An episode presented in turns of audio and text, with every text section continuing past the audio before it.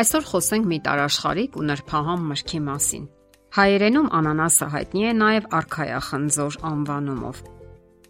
Հնդկացիները անանասն անվանում էին նանա, նկատի ունենալով բույրը, իսկ իսպանացիները նրան կոչում էին փինա, նմանացնելով այն սոճուկոներին։ 1901 թվականին Բոստոնցի մի երիտասարդ ֆերմեր սկսեց աճեցնել այն համարյա 1 հեկտար հողակտորի վրա, որպիսի վաճառի։ Նրա հիմնած ընկերությունը մեծացրեց այդ տարածքը Հավայան կղզիներում մինչև 1200 հեկտար եւ այն գոյություն ունի մինչև այսօր։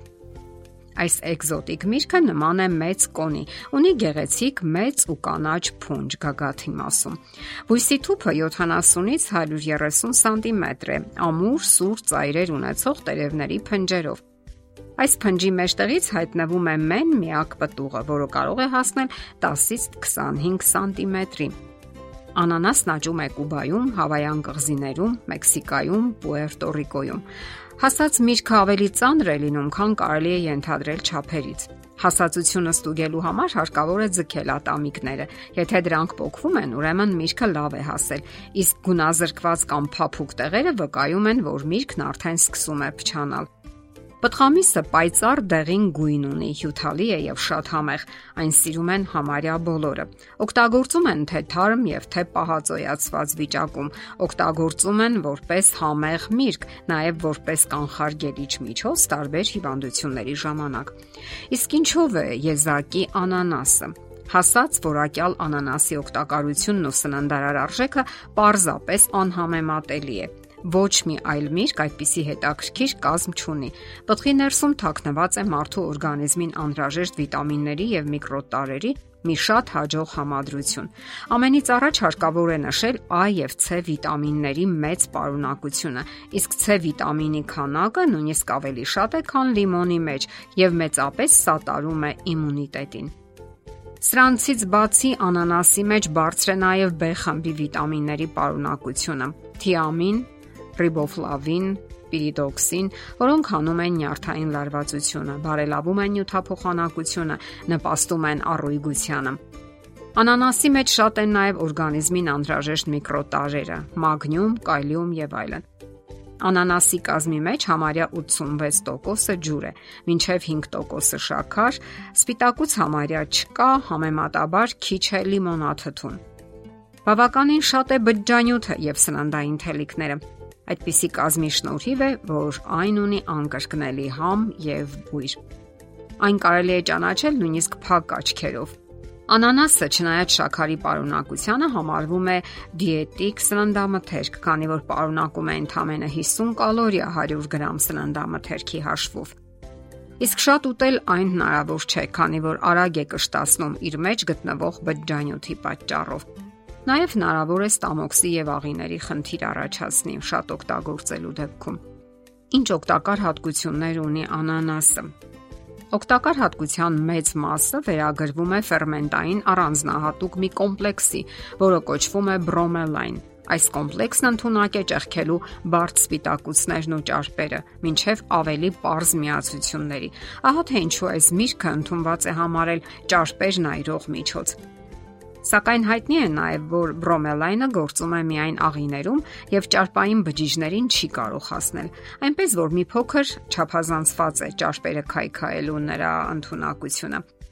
Իր եզակի կազմի, ինչպես նաև կալիումի եւ մագնիումի բարձր պարունակության շնորհիվ օգտակար հատկությունների մեջ նշվում է նաև արյան ճնշումն իջեցնելու հատկությունը։ Անանասն օգտակար է սրտի հիվանդությունների, հատկապես առիթմիայի դեպքում, երիկամային հիվանդությունների ժամանակ։ Այն ընդունակ է քչացնելու հեղուկի քանակությունն օրգանիզմում, նվազեցնելով այտուցները։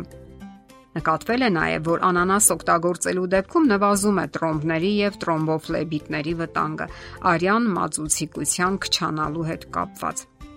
Տվյալ հիվանդությունների դեպքում օգտակար է ուտել 200 գրամ թարմ միրգ կամ խմել 1 բաժակ թարմ հյութ։ Այս իսկապես համեղ սննդամթերքն օգտակար է նաև անոթների աթերոսկլերոզի դեմ պայքարում, հանում է մկանների եւ հոդերի ցավերը։ Իսկ A եւ B խմբի վիտամինների մեծ քանակի շնորհիվ ունի հակաբորբոքային հատկություն։ Այդ պատճառով էլ օգտակար է անգինայի, պնևմոնիայի, սինուսիտների եւ արթրիտների ժամանակ, հատկապես երբ խառնում են լիմոնի հյութի հետ։ Սրանից բացի անանասը նպաստում է վերքերի լավացմանը եւ նյութափոխանակության բարելավմանը։ Այս բոլոր հատկությունները դրսևորվում են, երբ անանասն օգտագործվում է սոված ժամանակ։ Անանասի օգուտները դրսևորվում են նաև մարսողության գործընթացների ժամանակ։ Դա կապված է բրոմելային կոմպլեքսի հետ։ Այն օգնում է մարսելու սնունդը եւ բարելավում է ենթաստամոքսային գեղձի աշխատանքը։ Այս դեպքում արդեն անանասը հարկավոր է օգտագործել ուտելուց հետո, քանի որ խառնվելով սննդի հետ բրոմելայնը սկսում է ցուցաբերել մարսողական գործընթացը բարելավող фермենտի արդյունք։ Եվ հատկապես լավ է ազդում սպիտակուցների ու ճարպերի վրա։ Նշում են նաև անանասի փորկապության վրա ազդելու արդյունքը։ Իսկ քանի որ այն աճում է օվկիանոսի մոտերքում, ապա ունենում է յոդի որոշակի քանակ։